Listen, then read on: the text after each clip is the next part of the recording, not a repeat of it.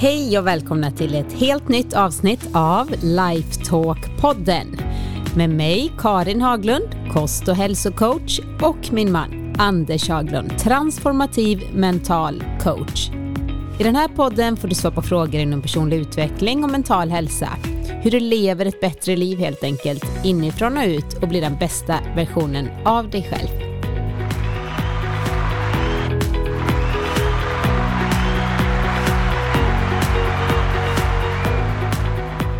Hej Anders! Hej Karin! Avsnitt 63. Mm. Det blir några stycken nu. Plussa på.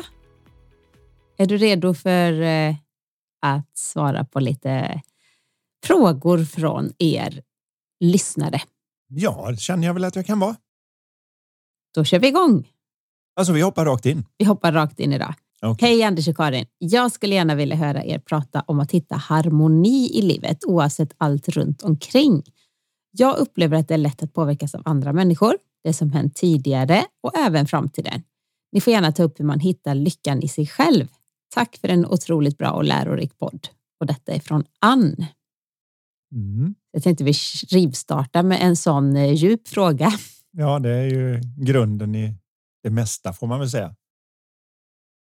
Det första att se där då, det är ju det här med att dåtid och framtid kan skapa illusionen av att de faktiskt påverkar oss.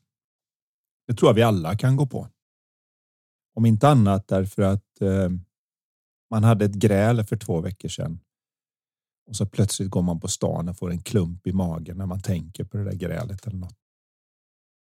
Och då känns det ju som att det måste ju vara det grälet för två veckor sedan som sitter där och skjuter känslor från det förflutna in i mig. För om inte det hade hänt, då hade jag ju inte haft de här känslorna nu. Så den logiken är ju väldigt, väldigt förförisk kan man säga för de flesta. Men det som egentligen händer, det är att det jag känner när jag går där på stan och får en klump i magen. Det är mina tankar i detta nu om det som hände för två veckor sedan. Och det är därför jag inte hade känslan alldeles nyss. Samma sak är det om man tänker på ett möte man ska ha, kanske jobbigt eh, medarbetare intervju på jobbet eller någonting. Och så känner jag att man får hjärtslag och blir lite svettig i händerna och tycker att usch. Och då känns det igen nu då som att det bokade mötet på fredag är det som skjuter känslor tillbaka från framtiden till mig. Men det som faktiskt händer är att mina tankar i detta nu skjuter känslorna rakt ner i mig. Och det blir ju något annat att hantera för om det nu vore så som det alltid har verkat att det är det förflutna som skickar de där känslorna in i mig eller det är framtiden som skickar känslorna i mig. Då är de enda sätten att lösa det hela. Det är att åka tillbaka i tiden, fixa så det inte hände och komma tillbaka och säga yes, nu kan jag gå på stan utan klumpar i magen. Alternativt åka in i framtiden eller avboka mötet och se till att den inte kan sitta och skjuta från andra flanken. Men om det är som vetenskapen nu visar att det enda jag kan känna är mina tankar i detta ögonblick. Ja, då har jag en helt annan kamp, vilket är med min egen fantasi. Och bakom den fantasin av osäkra, ångestladdade tankar bor den lycka vi alla letar efter. Det är därför som man kan se att när vi då blir lite distraherade av någon anledning. Vi sitter i goda vänners lag och så kommer vi på när vi går därifrån att det där var mysigt. Det där var jag helt avslappnad och kom in rätt i samtalen. Så där skulle det vara oftare. Men det var inget vi gjorde, utan det är den vi innerst inne är när vi inte När håller vi på med inte allt det tänker andra. på framtid och dåtid. Och, Ja, och det är inget fel på att tänka framtid och dåtid, för jag vill påstå att det är ett av våra kraftfullaste verktyg jämfört med många djur och annat på planeten är att vi kan fundera på hur vill vi att landet ska se ut 2030 och börja planera och göra det som krävs. Det, om den politiska viljan finns kan vi göra det. Det kan ju inte en vargflock göra. 2030 skulle vi vilja ha det så här i Norrland. Det går ju inte. Utan de lever mera i nuet och precis den närmaste framtiden. Vi kan dessutom gå tillbaka in i det förflutna och hämta resurser och se att Åh, det där mötet gick inte bra, så ska jag inte göra nästa gång. Eller det där förhållandet slutade inte som jag tänkt mig, så blir jag ihop med någon nu, då ska jag tänka mig för. Och... Eller påminna sig bara om att det där gick jättebra förra veckan, så att nu fixar jag det idag också. Ja.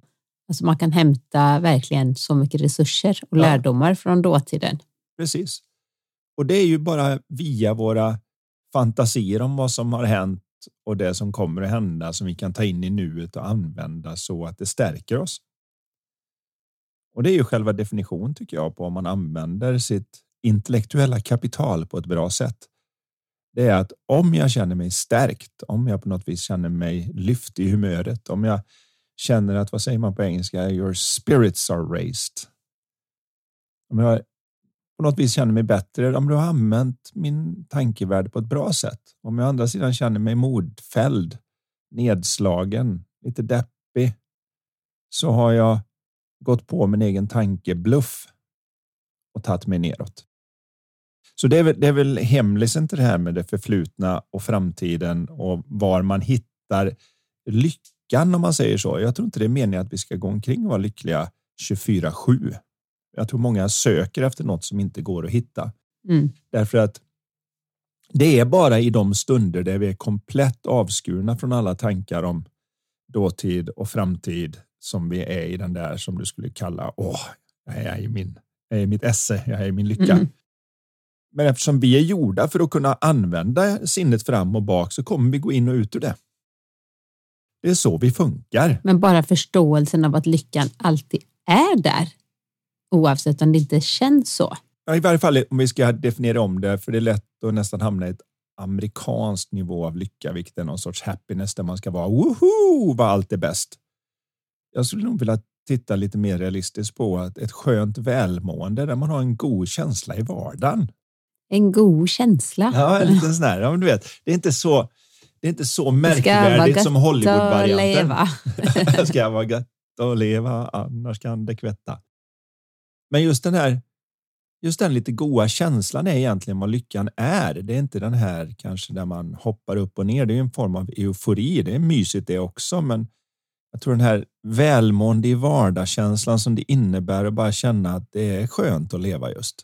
Det, jag, jag gillar vad som pågår och att den är tillgänglig att hitta mitt i vad för elände man än själv går igenom så kan man alltså alltid hitta den när man tycker att det är tillåtet att släppa alla tankar om eländet som håller mig fast i den där ovälkomna känslan i vardagen istället. Så mera hitta tillbaka till den, alltså för den finns ju där hela tiden. Så mera bara att söka upp den, connecta lite med den.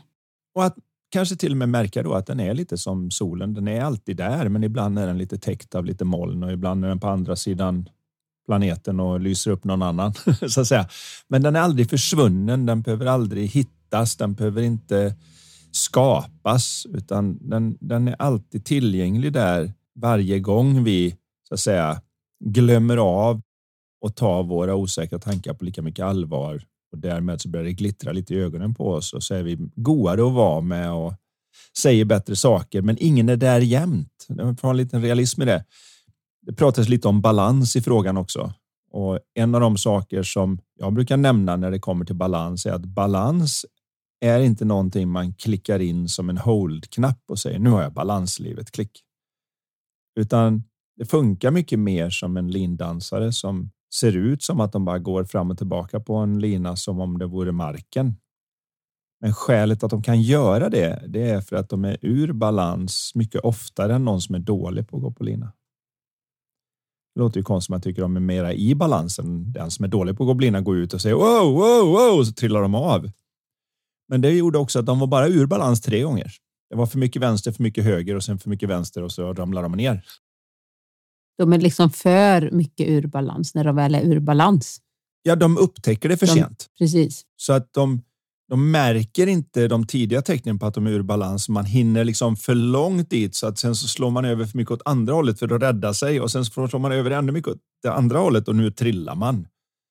Medan någon som ser ut som de är i perfekt balans går över linan och kanske är ur balans 500 gånger på den sträckan.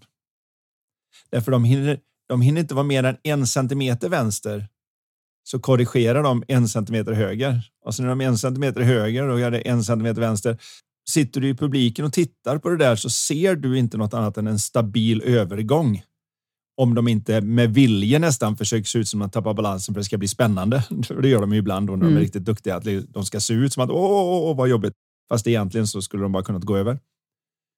Den är bra att veta att människor som verkar vara i perfekt harmoni och balans är ofta ur balans oftare, men de catchar den så snabbt så att de hinner inte göra tre stora. Istället gör de 500 små. Mm. Så det blir nästan som en riktigt bra aktiemäklare. Skälet att de tjänar pengar åt sina klienter är att de har en sån mönsterigenkänning att när det skiftar lite grann så har de så att säga en stopploss. den hinner inte iväg så långt innan de kommer på att jag borde nog sälja den. Och den, när, den är, när den går uppåt så har de också en känsla för att ah, men jag lämnar hellre lite pengar på bordet och så tar jag hem pengarna nu istället för att försöka träffa toppen. Så de korrigerar som en lindansare lite mer och därför kan de då ha... Tänker jag på lite det du, när du lärde mig spela golf för många år sedan. Sen blev det inte så mycket golfkarriär barn och annat kom. För, för min del. Men eh, jag vet att du verkligen poängterade ganska tydligt att okej, okay, så länge du siktet liksom rakt eller i mitten på banan, eller säger man banan? Ja, banan. Så för att nybörjare har en tendens att tjofs, oj, du gick den rakt in i skogen åt vänster och då blir det väldigt många slag att ens få tillbaka den. Då är det bättre, även om den bara kom halvvägs och inte blev kanske så, så lång, så blir den rak. Och puttarna och det, rätt fart, mitten, liksom. Så då, då vet jag ju hur viktigt det är då med liksom uppställningen, om man tittar tittar Uppställning, sikte, balans. Uppställning, sikte och balans. Har du det, fokusera på det. Ja, som Einstein sa återigen, jag nämner det ganska ofta, men det är ett av mina favoritcitat. Det var när han sa det att jag gör allting så enkelt som möjligt, men inte enklare än det. Och det ska man nog vara ganska klar över att det är alldeles för många som klarar av att göra livet för komplext och speciellt när man känner att man kanske kämpar lite så har man en tendens att göra det mer komplext. Man tittar i den komplexa riktningen efter lösningen istället för att se att nu behöver jag förenkla för att hitta lösningen. Det handlar också om en yttre komponent här. Nu pratar vi bara om den inre komponenten för att själva lyckokänslan är ju i, i den inre biten och det är där vi tittar. Men den andra komponenten är bara för att jag nu har möjlighet att må bra oavsett hur det är så innebär det inte att jag på något och minsta sätt ska acceptera vad som helst. Man kan skapa lite liksom fysisk harmoni runt omkring sig. Ja, och ju mer harmoni du är i själv, ju tydligare blir det att du vill ha harmonin runt dig. Många använder harmonin runt sig för att skapa en inre harmonin och det hållet funkar inte riktigt. Men däremot om du har en inre harmonin så börjar det se mer och mer självklart ut att skapa vissa saker på sidan. Då jobbar man inte 80 timmar i veckan och om man samtidigt ska ha något med familjen att göra. Nej. Det är liksom när man skalar bort. Det ser tydligt ut att jag behöver ta bort vissa saker, åtaganden i mitt liv för att skapa lite space det är ju egentligen bara när man är ur balans som man låter munnen överlasta ryggen. Alltså man säger ja till för mycket och sen blir kalendern för ihoptjoffad och sen så börjar det bli jobbigt. Självklart kan jag ta hand om den överbelamrade att göra-listan och kalendern och ha en skön känsla för den sköna känslan kommer inifrån mig och mina tankar. Men det är ju fortfarande inte en bra idé. Jag älskar ju den här jag tror det var någon komiker som jag tog över det från. Kan varit Chris Rock eller någon. Jag tror jag sagt det till dig någon gång för du har haft ont i dina händer på grund av borrelian och så där. Och så går du iväg och handlar. Och så är jag min vana trogen någon minut sen när jag kommer dit. Så då tycker du då kan jag likväl packa ihop alltihopa i tunga kassar och så kommer du bärande med dem. Och när jag kommer då framspringande och säger men de tar ju jag såklart. Då säger du ja, men jag kan. Och då brukar jag ibland svara den här. Ja, det är klart att du kan, men bara för att du kan är du inte en bra idé.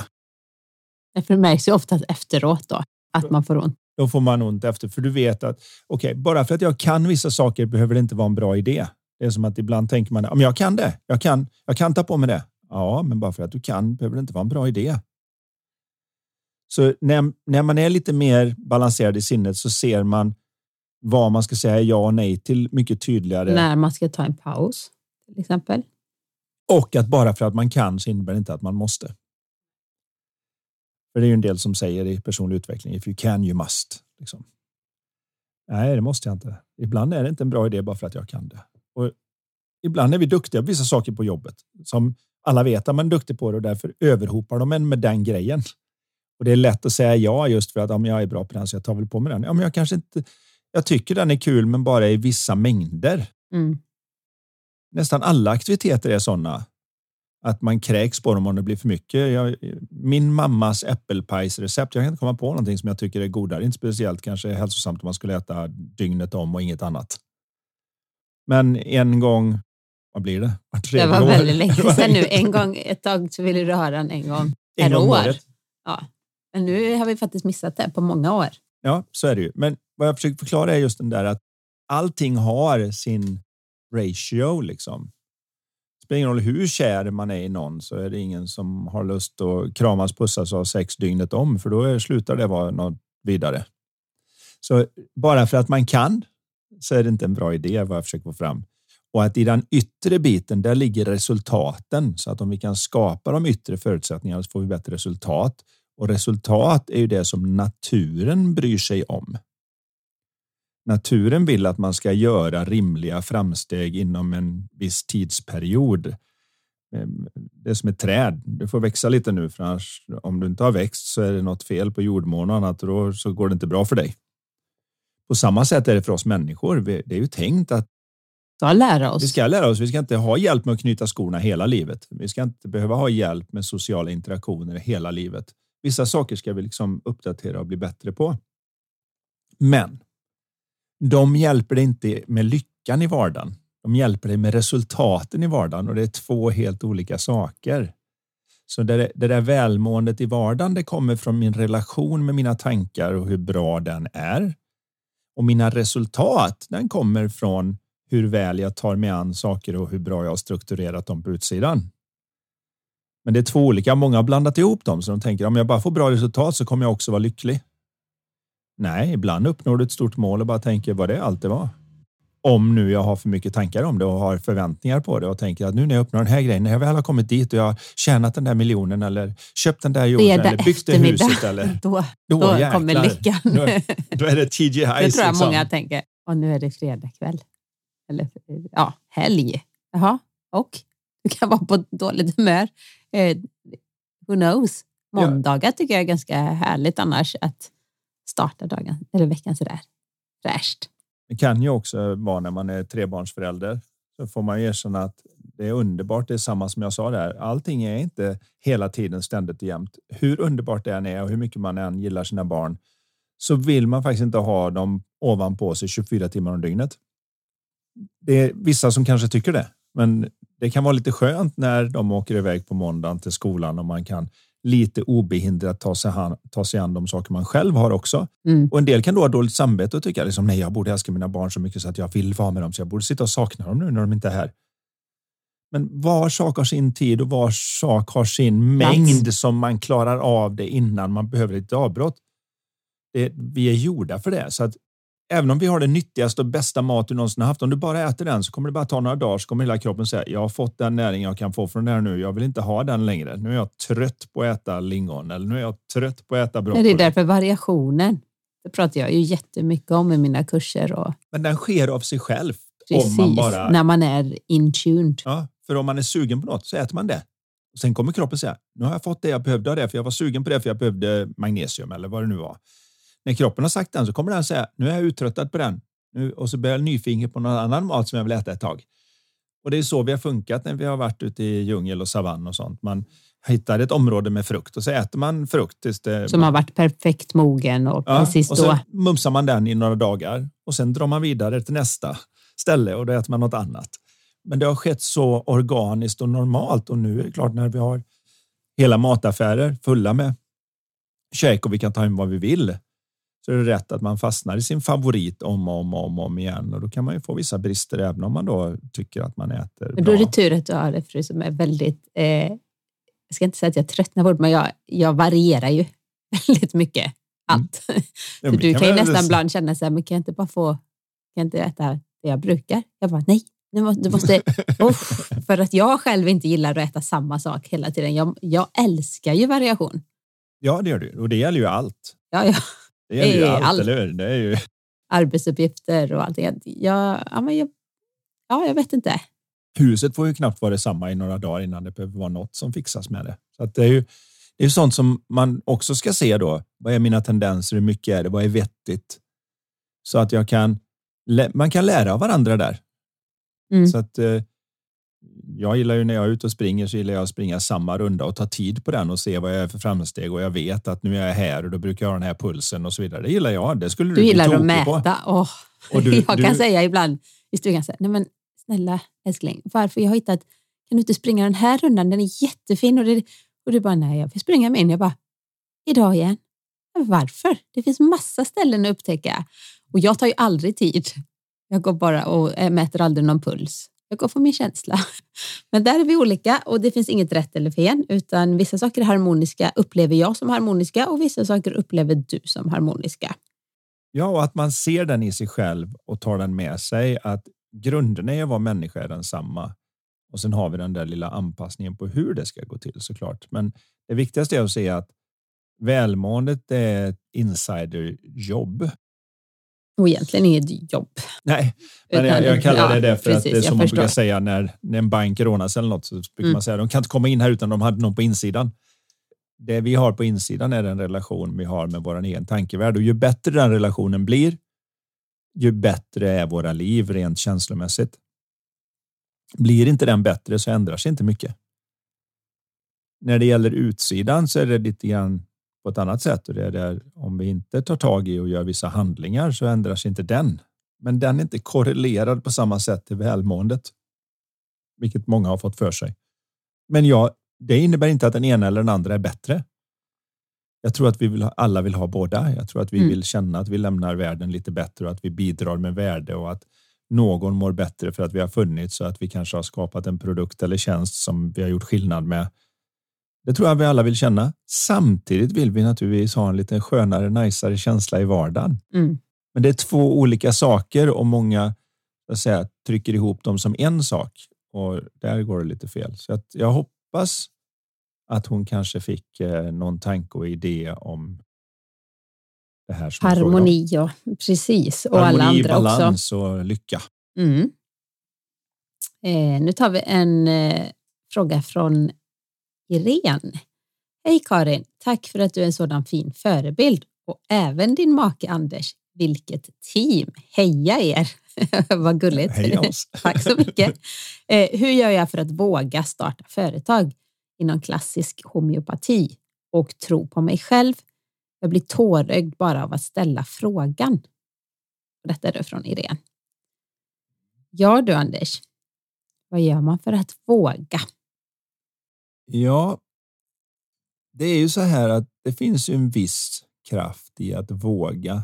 Men våga handlar ju om mod och mod behöver man bara när man är rädd. Och oftast är det så här att när jag är rädd för något så är det för att det är lite okänt för mig. Om vi inte pratar om de där allmänna hoten som finns naturligtvis. Men i övrigt så brukar det vara att vi skrämmer upp oss lite grann med att vi inte vet riktigt. Jag ser inte hur framtiden skulle bli om jag blev egen företagare, om jag började jobba med just de här sakerna. Är jag säker på att detta är en effektiv väg att gå? Kommer någon vilja ha min hjälp och så vidare? Och då när jag känner mig rädd och orolig, då känns det som jag måste våga. Om jag å andra sidan börjar titta på vad är det jag saknar här? Saknar jag resurser? Saknar jag information? Vad är det som som är min vita fläck på kartan som gör att det här känns som att det är något okänt som gör att jag är lite rädd som gör att jag uttrycker mig som att jag måste våga istället för att se det som en 2 plus 2 är 4. Nu kör vi. För oftast är det någon av dem som saknas. Att, för om jag bara gör det jag brinner för och uppenbarligen så brinner hon för någon del av det här. Kanske inte är den specifika inriktningen som hon brinner för, det vet jag inte, men den här känslan av att göra någonting för sig själv, att starta eget. Det kan vara det som locka fram det här att jag vill uttrycka min personliga dröm någonstans och det är det som gör henne tårögd. Om jag följer mitt hjärta på den så brukar det vara så att man naturligt dras till att ta fram informationen och resurserna som gör att jag blir så bra. För det är ju sanningen när man har ett företag. Det är det att man måste göra det så bra att folk som får chansen verkligen vill ha vad du säljer. Så enkelt är det. Är det, ingen, är det ingen som vet om att du finns eller när de väl vet om att du finns inte tycker att du gör ett bra nog jobb så kommer inte det att hålla. Det är ju grejen. Är man bra på båda alla Apple så om man både marknadsför produkten bra och de som köper den tycker det här var ju bra. Ja, då, då drar det iväg såklart. Men det gäller ju tjänster också. Och det gäller kanske att ta reda på lite mer information och sånt. Men medan man gör det kan man fortfarande ta första steget. För det är många som blir lamslagna då. De tänker, okej, okay, hur vet jag om jag har tillräckligt med information? Hur vet jag om jag är klar? Nej, nej, ta steget medan. Jag säger inte att den ena utesluter den andra. För det är bara medan vi rullar som vi kan få informationen. För vi människor fungerar så här att vi har svårt att vare sig ta till oss eller ta fram information som inte är relevant för där vi befinner oss. Så första steget kan ju vara hur registrerar jag firman? Uff, jag vet inte ens var man söker sig. Grejen här finns det ju så mycket hjälp. Nu är inte jag expert på exakt vart, men det finns i nästan alla orter någon form av så här småföretagarcentrum eller vad det heter man kan gå. Så starta eget kurser och man kan verkligen få visa, okej okay, så här, här gör man en budget eller så här. Och så får man den här professionella hjälpen. Man får reda på att men du är helt rätt ute. Eh, tänk på det här. Ja, ah, okej. Okay. Alltså det, du kan inte starta ett företag helt själv utan någon, någon som hjälper dig med någonting annat. Eller det kan du kanske, men alltså det är så fantastiskt att det finns så mycket hjälp och, och idag att, också, att som få. har nämnt i någon tidigare podd, så har ju då AI kommit som ChatGPT. Där du faktiskt kan gå in och skriva här är vad jag har tänkt mig, här är vad jag har gjort. Skulle du kunna skriva en affärsplan? Och så säger han jajamän, här kommer den. Jag har ju en bekant nere i Malmö som provar det. Han jobbar med fastigheter och annat, så han har ju bara skrivit in. Kan du ge mig hur vi kan maximera ytan när vi har så här många hundratusen kvadratmeter och vi skulle vilja göra det här och det här. Och så säger han bara japp. Och så när han får ut den så säger han se bättre än vad jag kunnat betala för. Så den är dessutom gratis att gå in när man nu vill starta en affärsidé eller liknande. Och mm. Man behöver inte göra exakt vad den säger, men man får en utgångspunkt så man kommer förbi det första steget. För precis som man vet om en raket som ska upp i rymden så är det den där första biten att komma av marken och sen andra biten att komma upp som drar nästan allt bränsle. Och när du väl trycker det ut i lite fart så behövs det nästan inget sen. Det är samma här så att ska man bli riktigt framgångsrik på någonting så måste man börja lära sig att ett ta första steget, men två börja älska den där mitten. Mm. För de flesta koncentrerar sig på starten och slutet, men man måste börja gilla den där mitten också, där man bara måste trumma på och göra det som krävs för att det ska överleva. Precis när du har planterat ett frö så räcker inte det, utan du behöver vattna och gödsla och klippa och ta hand om.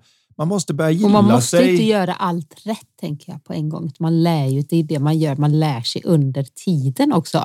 Jag tänker på när jag, jag hade gått ut gymnasiet som, eh, och var utbildad frisör, så jobbade jag på en salong i ja, lite mindre än ett år faktiskt, tror åtta månader eller någonting, tills jag hittade den finaste lokalen i stan som jag bara, jag ska starta eget. Och så gick det så fort, så kanske lite väl fort. Och nu jag tänker tillbaka som 18 år eller 19, 19 var jag väl kanske, och starta en egen salong med fyra stolar eller liksom, eh, ja, platser med människor som jobbade där och så. Men det var roligt och jag lärde mig massor. Så fick man lite hjälp och pappa hjälpte till och fixa lite med det och möbler. Och, alltså, det var jättekul. Mm. Projektplanen var ju löpande hela tiden. Hade jag suttit och bara väntat på nu ska jag hitta rätt lokal, nu ska jag ha den perfekta planen. Det kanske inte dyker upp någon lokal, utan ibland får man bara springa på att jag blev kär i den lokalen och bara ja, jag vill starta eget. Det visste jag inte ett halvår tidigare att jag skulle göra, utan och då gjorde man det och så lärde man sig massor. Ja, du måste ju lära tiden. dig bokföring och hur man gör saker, massa som inte egentligen är då i ditt fall relaterat till kanske det man brinner för, vilket är att klippa och eh, vara kreativ på det sättet och ta fram exakt rätt grej för en viss person så att de ska vara nöjda. Men jag kom på andra liksom, roliga kreativa lösningar på marknadsföring. Jag klippte ju Anders Svensson och några andra i Älvsborg Och så hade jag tryckt upp sådana här t-shirtar med frisören, alltså med salongens, Saxendos heter det, salongen, med trycket bak då. Och så fick jag dem att ställa upp och vara modeller med mina t-shirtar. Och sen så gick jag till gymmet där jag tränade och plastade in det. Alltså det var ju, vi pratar ju nu att, vad är det, 20 år sedan? Mer än så. Det är 25 år sedan typ. 25 år sedan, herregud. Ja, så det kanske var lite hemma, hemmajobb, men jag plastade in, skrev ut de här affischerna och plastade in dem. Och så frågade jag på gymmet jag tränar, för jag sätter dem på insidan på toaletten. för att inte där sitter man. Och så ser man, mm. liksom in, kollar in i dörren.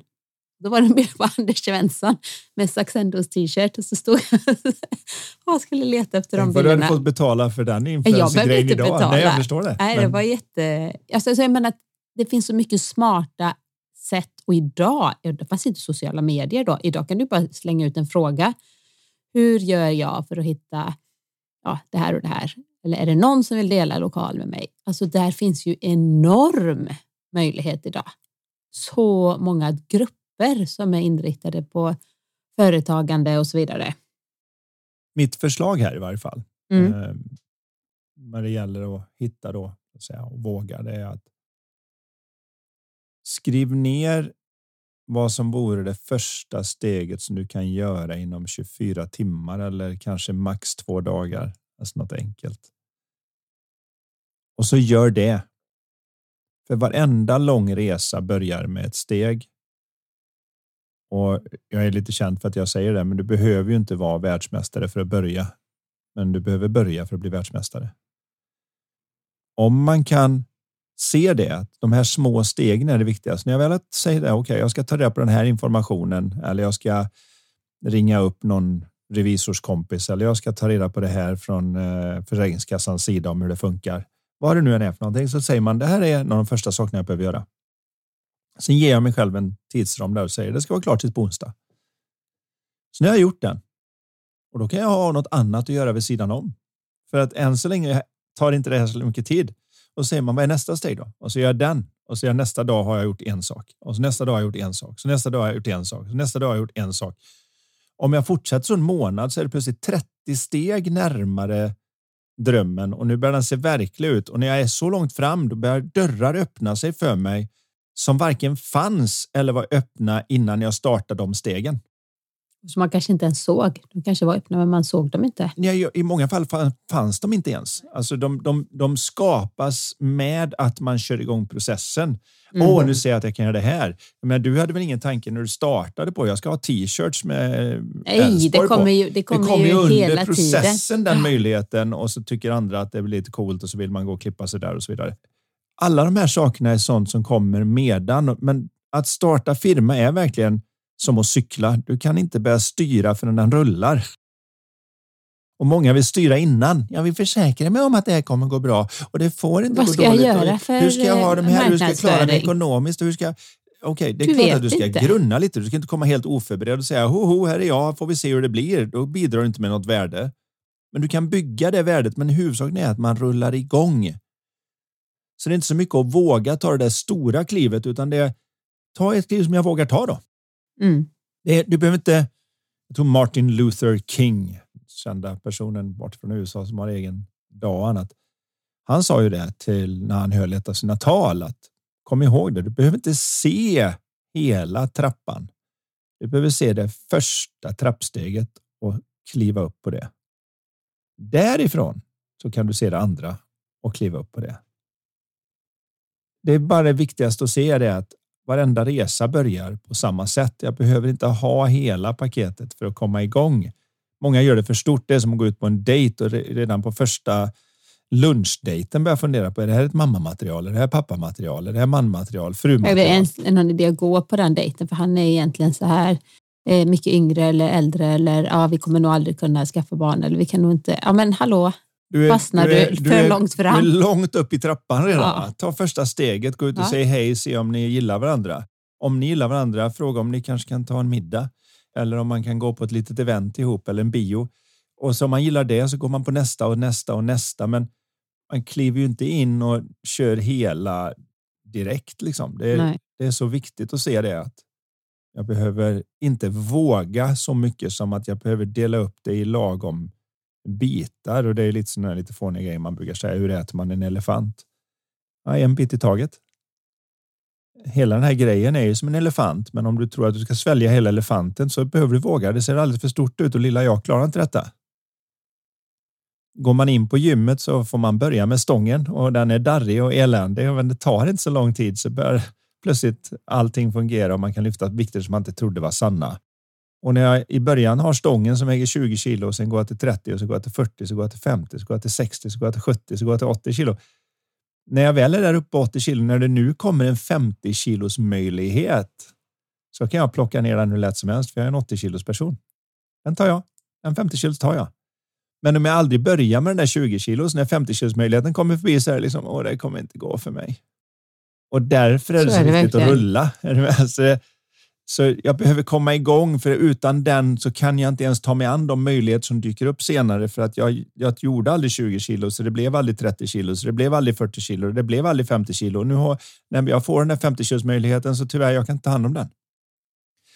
Och så, så funkar det där också. Så jag vet, jag vet inte om det här... Och tron på sig själv då? Kommer den lite per automatik bara att man tron på sig själv är att se att jag är så mycket mer än vad jag själv kan se. Det är kanske en av de stora sakerna som vi missar är att vi ser inte att vi är per automatik så mycket mer än vad jag medvetet kan se därför att vårt undermedvetna, vårt omedvetna eller vad man nu ska kalla det står för så mycket mer än det vi har. Det är det som får hjärtat att slå, som smälter maten, som gör huden brun, som blinkar när vi behöver blinka och allt det där som håller oss vid liv när vi sover. Den biten ser vi oftast på andra människor. Säg att det är någon som är väldigt, väldigt duktig på att få människor att känna sig bekväma. De vet inte hur de gör det. De vet inte varför de hade kroppskontakt precis efter det där skrattet eller varför de la huvudet på sned när någon sa något eller vad det nu än är som bara gör att de interagerar med andra människor på ett sätt som man tänker de är ju fantastiska. Frågar du dem är de inte medvetna om den biten alls. Jaha, nej, nej jo, men jag gillar väl människor. Jag ja. bara gillar väl människor. Så, så att den personen ser det inte, men vi ser det. Och det, det beror på att när vi tittar på en annan människa, då ser vi hela deras paket. Men när vi tittar på oss, då ser vi bara den lilla bit vi kan vara medvetna om det är det som gör att flera personer kan gå omkring och känna sig underlägsna varandra samtidigt. Och den, den ser man kanske framför allt, och nu är jag lite chauvinistisk här kanske någon tycker, men jag ser den ganska mycket bland tjejer som pratar med varandra och säger men du är så fin. Nej, men du är ju så fin, men inte jag, men det är ju du. Och så är det som ett slagsmål fram och tillbaka om vem som egentligen har något. Eh, oavsett, eller du är så duktig eller du är så det här. Och det är för att jag ser på den andra personen vad de har, men jag ser inte på mig vad jag har så att jämförelsen verkar som att lilla jag har inte så mycket.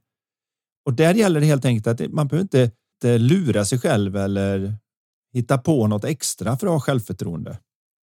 Självförtroende är inbyggt i oss när vi ser att vi har mer än vad vi själva kan se. Att man har den tilliten när man går in i ett möte till exempel att jag kanske får en fråga jag inte kan. Men jag har mer i mitt backoffice så att om jag kommer in avslappnad där så kommer jag kunna säga något som är jättebra. Och har jag ingenting när jag är avslappnad så kommer jag säga bra fråga. Den har jag faktiskt inte svaret på. Är det okej okay om jag återkommer med informationen där imorgon? Och ingen kommer tycka att man är konstig. Vi har mer när vi väl ser det och då är det lite lättare med det här med som man då brukar kalla självförtroende. När man säger självförtroende behöver jag inte bygga upp utan självförtroende har varenda barn. Lite, Avtäcka det som är i vägen bara. De, de där osäkra tankarna om att duger lilla jag, kan lilla jag. Vågar jag. Vågar jag. Alla de där tankarna som håller på. Du skickar in eh, frågan till oss, var det det? Bra. Det, funkar, det verkar ju också vara att precis, det var ett bra steg och det verkar vara någonting som du verkligen vill göra. Så jag säger bara lycka till. Och det är många som är i behov av olika terapeuter för att må bättre, särskilt idag. Ja, och att det, tror jag finns underlag. Eh, vi kör en till fråga. Hej Karin Anders, tack för er fantastiska podd och att ni sprider så härlig energi runt om er. Här kommer min fråga. Hur kan jag nå fram till en person som bara sätter sig emot allt jag säger? Jag önskar till exempel att han tar mer hand om sig själv, det vill säga se till att få tillräckligt med sömn genom att ta ansvar och gå och lägga sig tidigt på kvällen, dricka vatten, inom parentes inte bara läsk och juice, gå ut och få frisk luft etc. Ganska basic saker ur mitt perspektiv, men det verkar helt omöjligt att få denna person till att förstå och vilja göra. Och detta är från Linda. Det var en väldigt spännande fråga. Ja. Den första insikten man kanske behöver ha där är hur, om vi är riktigt ärliga, hur svårt det är att ändra på sig själv. Så då kan man ju tänka att det är lite klurigt att ändra på någon annan. Och att det tas väldigt sällan väl emot när man så att säga försöker pressa in vad man själv kan in i den andra personen så att de äntligen ska få till vad de ska få till.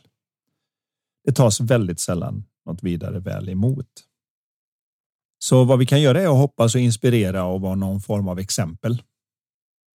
Men villkorslöshet i sig, vilket är det vi alla är ute efter, säger att det gör jag oavsett om de får till det eller inte får till det. Ett av stegen är ju naturligtvis att se vad är det som håller tillbaka? För det finns alltid någonting, men då behöver man bli nyfiken. Så ett av de vettigaste stegen. Det är att se just det här att när någon beter sig på ett sätt som verkar väldigt konstigt för en själv, och man tycker varför, det är ju så självklart, så är det första att man behöver lyssna på den personen tillräckligt för att se att en vettig människa kan komma fram till detta. Alla människor har perfekt logik. De funkar bra, de tänker bra. Det är väldigt sällan det är några större problem med den biten. Det är bara att utgångspunkten därifrån de börjar kan vara lite skum. Man behöver lyssna tills man märker att okej, okay, det är inte att du är konstig eller dum eller trög, utan det är bara att därifrån du kommer så är det så här det funkar. Jag tänker på en av mina mentorer som jag har pratat en hel del med och suttit här och både vi var över och träffade i Los Angeles och jag har sen pratat en del med på nätet och han har skrivit en bok som heter Relationshandboken, Dr. George Pransky. Han är fantastisk, men han berättade en historia just om när han hade ett, ett par och där killen då hade ringt in för han förstod sig verkligen inte på sin nyblivna fru. De jobbade en hel del båda två och så nu behövde han prata så han hade ringt in till George och så frågade George vad är de och så säger han ja, det är så jättekonstigt för jag vi äter ute nästan jämt. Man har inte tid och så, men jag tycker det är mysigt det med att äta hemma och ihop och att man lagar mat och sånt. Så att han hade då frågat sin fru att du lagar du maten? Så jag har aldrig sett dig göra det liksom. Ja, det gör jag kan lite olika. Vad kan du göra för rätter och så? Jag kan lasagne, jag kan det här, jag kan det. Men skulle du kunna tänka dig att laga mat en gång till mig? Så där tittade han. Och det är klart jag skulle kunna göra, tyckte hon. Ja, för jag tycker det skulle vara mysigt. Ja, visst. Vill inte han vara med då? Jo, men, jo, men så, så säger han, ja, men lasagne vore bra. Då. Och när då? Ja, onsdag kväll skulle vi kunna göra det på. Ja, bra. Så han kommer hem där med höga förväntningar på onsdagskvällen och så står det en lasagne med folie över. Och en liten lapp liksom som varsågod. Och så är hon och jobbar. Det var inte vad han hade tänkt sig. Riktigt. Han tänkt, vi skulle... Det var egentligen inte maten utan det Nej, var Det var liksom mysigheten med att uh, min fru lagade mat åt mig och så åt vi mat tillsammans hade en liten sån där. Det var, var hans lilla grej att det hade varit mysigt och så istället så kommer han hem till att hon är och jobbar och så har hon ställt fram en lasagne liksom. Och så han ringer och säger var är du någonstans? Uh, jag är på jobbet. Uh, ja, men vi skulle laga mat. Vi skulle ju... Ja, jag gjorde det. Jag åkte hem på lunchen för att göra ordning det till dig. Jättesnällt. Jättesnällt. Liksom. Ja. Ja, sådär, men var inte vad han hade tänkt sig. Han hade tänkt att vi skulle äta mat tillsammans. Så han fattade ingenting och så pratade han med George. George sa det att du måste fundera lite grann. Det, här kom, det är en vettig person så att det kommer från ett vettigt ställe. Så börja inte ifrågasätta relationen eller personen nu, utan du, du kommer någonstans på vägen kommer du lista ut det här. Och så hade de hörts av då någon liten stund senare. Då hade han varit hemma hos hennes, alltså sina svärföräldrar. Och där är alla så att de jobbar. Så där gör man bara ordning mat och så står det framme och så tar man och plockar och sätter sig och äter och så går man och jobbar. Alltså, mm. Familjen var sån, alla jobbar mycket. Och då såg det att det var ju aldrig ens uppe i hennes tanke att det skulle vara på något annat sätt. För det var, var så han erbjuder sig att laga mat till henne och visa så här gjorde vi i våran familj. Ja, Eller precis. så här tycker jag är mysigt. Kanske hon märker, oj, vad mysigt. Och sitta tillsammans. Kan man göra så? Ja. Men det är just den här att man blir lite av en av ett antropologiskt perspektiv där man blir lite nyfiken liksom på vad är det som gör det så klurigt med något som verkar så enkelt i mitt huvud? Och kan det vara så att de har någonting som de har enkelt för som jag har lite klurigt med? Så man får den här lilla ödmjukheten i att du mm. sa någonting till mig en gång. Där du sa att ah, men de är inte du. Nej, just det. Jag kunde faktiskt inte ihåg vad det var. Det var, Nej, det var, det var vi, jag... Du är ju så bra på att sköta event och sånt att du, liksom, du organiserar det bra, tar hand om allting och så skulle vi skicka ut någonting och så tyckte du, men de svarar ju inte. Om du får skicka igen. Jag ska inte behöva skicka igen. Varför att du är sån så får något. Det, var, något men, sånt där. Ja, och så sa jag, men de är inte du, så de, de, de funkar inte på samma funkar sätt. Inte på samma sätt så du får påminna lite kärleksfullt en gång till att eh, jag skickar den. Har du sett det här? Och, och det lär man ju sig med sina relationer och med sina nära och kära hur vissa saker fungerar. Till exempel med tid. Ja, men den, den personen är alltid lite sen eller ja, okej. Okay. Och då vet man det. Ja, den, om jag mejlar nu, jag får inget svar. Men okej, okay, jag kanske kan ringa imorgon och kolla att det har kommit fram. Och vissa personer vet man, de har jättemycket att göra, men nu skickar jag ett mejl. Jag är 100 procent säkert att jag får svar idag. För man vet att det är en sån person. Och det, det, är bara olika hur det är. Men jag tänker också på när jag ändrade min eh, kost framför allt. Det var ju då 2004. Mm. Då var jag redan utbildad kostrådgivare, så det var inte så att jag åt skräp på något sätt. Men jag åt vad jag trodde var bra. Men så kom du in i mitt liv och sen så ändrade jag verkligen från dag ett till eh, alltså tog bort väldigt mycket saker och började tänka helt med liksom hur man kombinerar mat och pH-balansen och mer grönsaker och raw food. Alltså det, var, det blev ändå en stor skillnad från, från hur jag levde. Och då blev jag lite, alltså jag bara blev frälst, kan man säga det? Alltså jag var så här, halleluja, alla människor borde få uppleva det här. Så jag ville så gärna, så jag nästan så här, jag blev nog lite på. Ja, du måste göra så här. Åh nej, nej, nej, du kan inte dricka vatten nu till maten för det rubbar din matsmältning. Liksom. Drick vatten innan och så. Här. Jag ville så gärna ge allt det här jag hade lärt mig som jag märkte gjorde skillnad för mig. Jag ville liksom bara kasta på alla människor. Du lite missionär. Där. Ja, lite missionär. Och jag märkte liksom att de lyssnar inte. Så gjorde de samma sak igen. Men jag sa ju, jag var så entusiastisk. De tänkte säkert bara hon har blivit crazy. Jag bara har hon all energi. Gått med jag bara sprutar om henne. Hon studsar upp och ner och är helt galen. Eh, men sen någonstans så kom jag väl till insikt eller insåg att eh, jag orkar inte hålla på och försöka frälsa alla andra. Jag kör mitt eget race. Och, och hade med, jag jobbade på ett gym då och var delägare där och hade med min broccolisoppa jag satt och åt där, åt min avokado till frukost. Och, alltså, och så märkte jag liksom hur ja, men, både de som tränade där och personalen liksom kollade så sa de så här, hmm. och det här var ju ändå det är ju 20 år sedan, typ 19-20 mm. år sedan. Oh, avokado, det är så gott ut. Vad, vad är det bra för? Och, alltså, de blev lite nyfikna. Och sen så efter liksom ett halvår, ett år, så satt de inte åt kakor utan då hade de gått och köpt frukt och åt kanske en avokado eller ja, jag bakade de där frökexen du sa. Alltså det började smyga sig på och, och jag bara, men jag har inte ens egentligen sagt någonting. Och så hade de börjat härma mycket av det jag gjorde, för de blev inspirerade. Man blev ett exempel på, ja men det där, utan att pracka på någon. För när någon känner att det är lite som en säljare, man vill inte bli att någon man försöker få... sälja, bara pracka på en någonting. Man vill känna att jag har tagit ett eget beslut. Jag vill köpa det här. Det, det är viktigt att känna att, att jag får köpa snarare att jag blir såld. Mm. Och det är lite samma med det här att det är så lätt att man hamnar i ett läge där man nästan köper en personlig utvecklingsbok, läser den och stryker under. Men man stryker inte under vad man tycker är bra, utan man stryker under vad man tycker att den som ska läsa den efter den borde se. och lämnar över och säger den här borde du läsa och jag har redan förstrukit allting som du behöver lära dig. För det tycker jag liksom. Och folk reagerar inte så bra på den.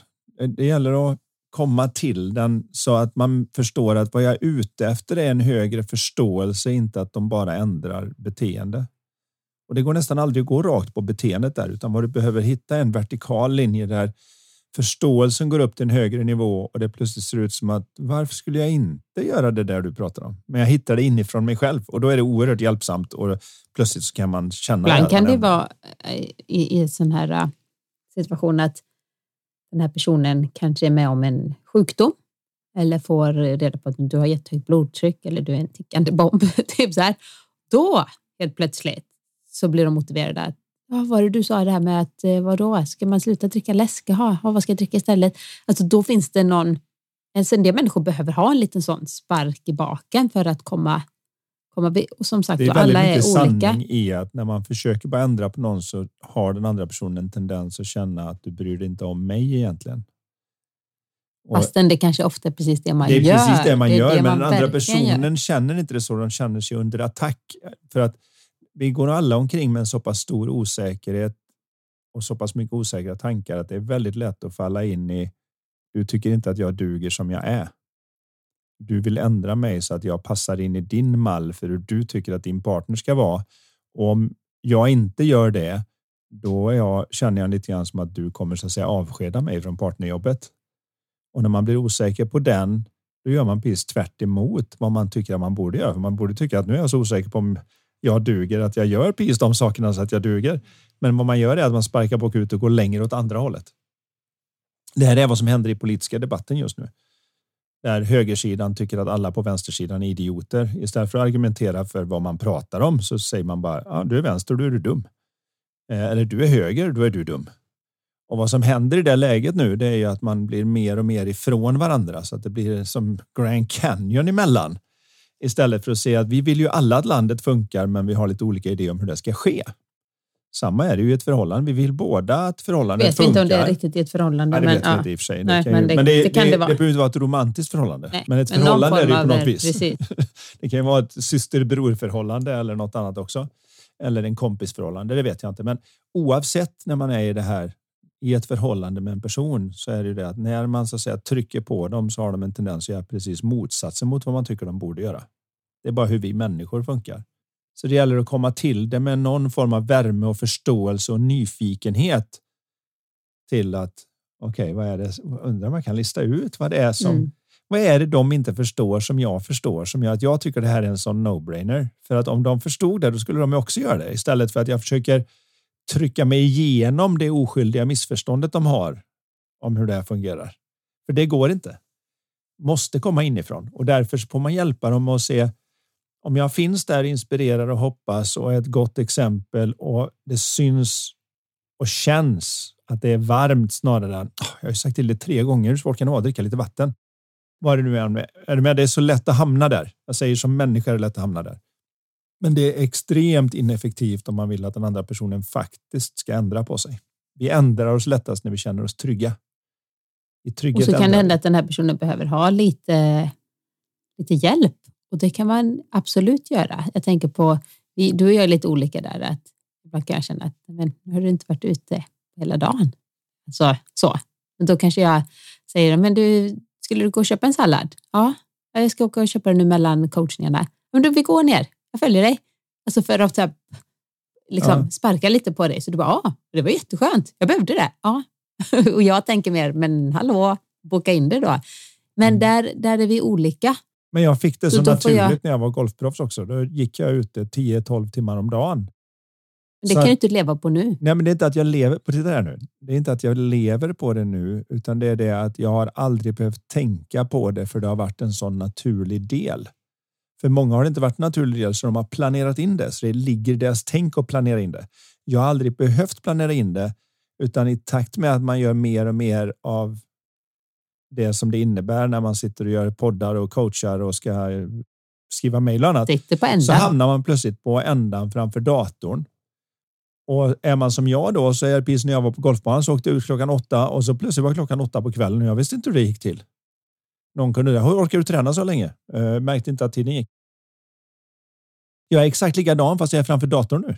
Så jag vet ju inte om att det var dags att äta lunch. Jag vet inte om Nej, att det borde därför ha gått ut och behöver gå. du ha mig alltså, som säger ibland att... Jag är lite professorlig ja. där. Då är det jättebra när man kan bli påminn om någon som kanske är van vid att men jag planerar in det. Men jag har aldrig behövt planera in det. Jag har bara varit utomhus hela dagarna. Varför skulle, jag, varför skulle det i min hjärna finnas en funktion för att planera in utomhus när jag inte har varit annat än utomhus?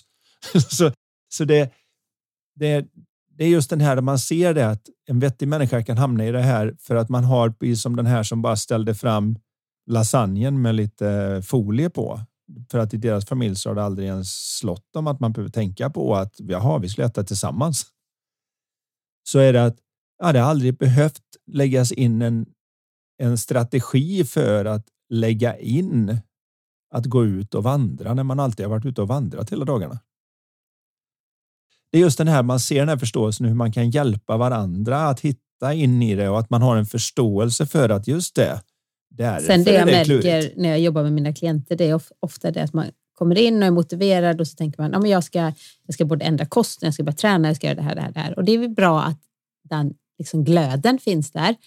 Men det är sällan att det funkar så det är superbra att ändra allt på en gång. Men det som brukar hända är att man fokuserar på att börja, börja med något, lite som där vi pratade med Irens fråga här, att man tar ett trappsteg i taget och då ser man, ja, men då ser man nästa steg. Så man börjar med promenaderna så kommer det göra att den personen mm, häller upp läsken och så bara mm, kanske ska ställa undan den. Jag tar nog bara halva. Alltså det, det, det spiller över på de andra delarna. Man behöver inte sätta upp och börja med allt och ska gå och lägga mig tidigt. Jag ska sluta dricka läsk och jag ska gå ut och promenera och gud vad tråkigt. Nej, börja med någon grej. Plus och att det då kan kännas lite som att du ser mig som ett renoveringsobjekt och gillar inte mig som jag är. Vilket gör att man då gräver in hälarna och kämpar emot fast man egentligen inte vill det ens. Man börjar kämpa emot fast man inte ens själv tycker det är vettigt för det blir bara en prestigegrej. Men om den personen förstår att ah, Linda här säger, vill verkligen detta för min skull.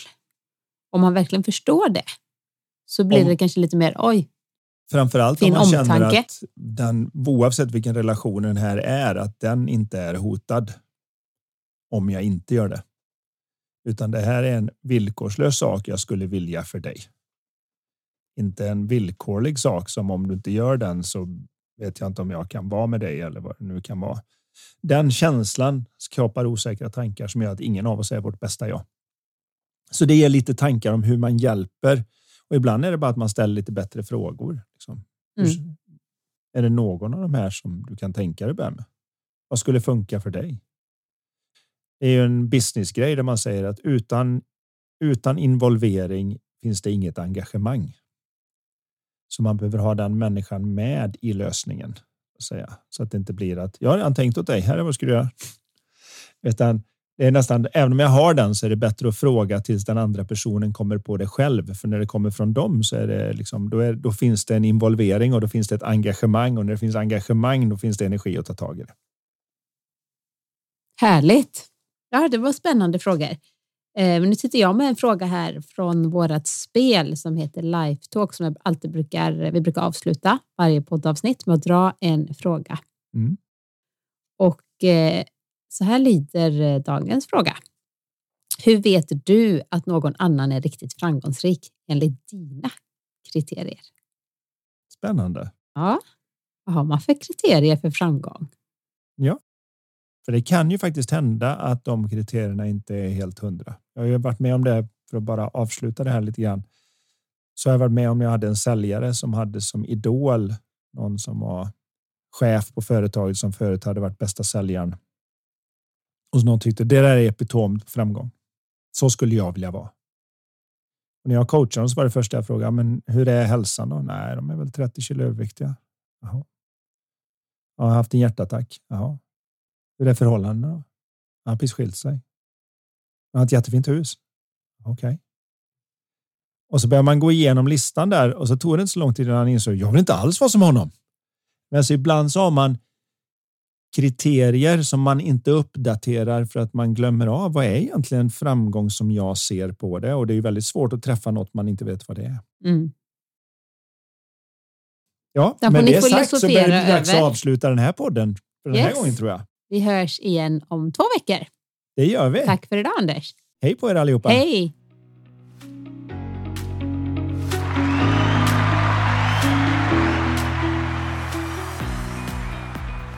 Du har lyssnat på Lifetalk-podden. Vi vore så tacksamma om du vill lämna ett betyg och eller recension i iTunes. Dina frågor de kan du skicka till oss på lifetalkpodden.se. Spelet Lifetalk finns också att beställa där. Vill du komma i kontakt med oss rörande samarbeten, coaching, föreläsningar och event? Då kan du mejla till karin.lifevision.se. Tusen tack för att du har lyssnat. Och du, gillar du podden?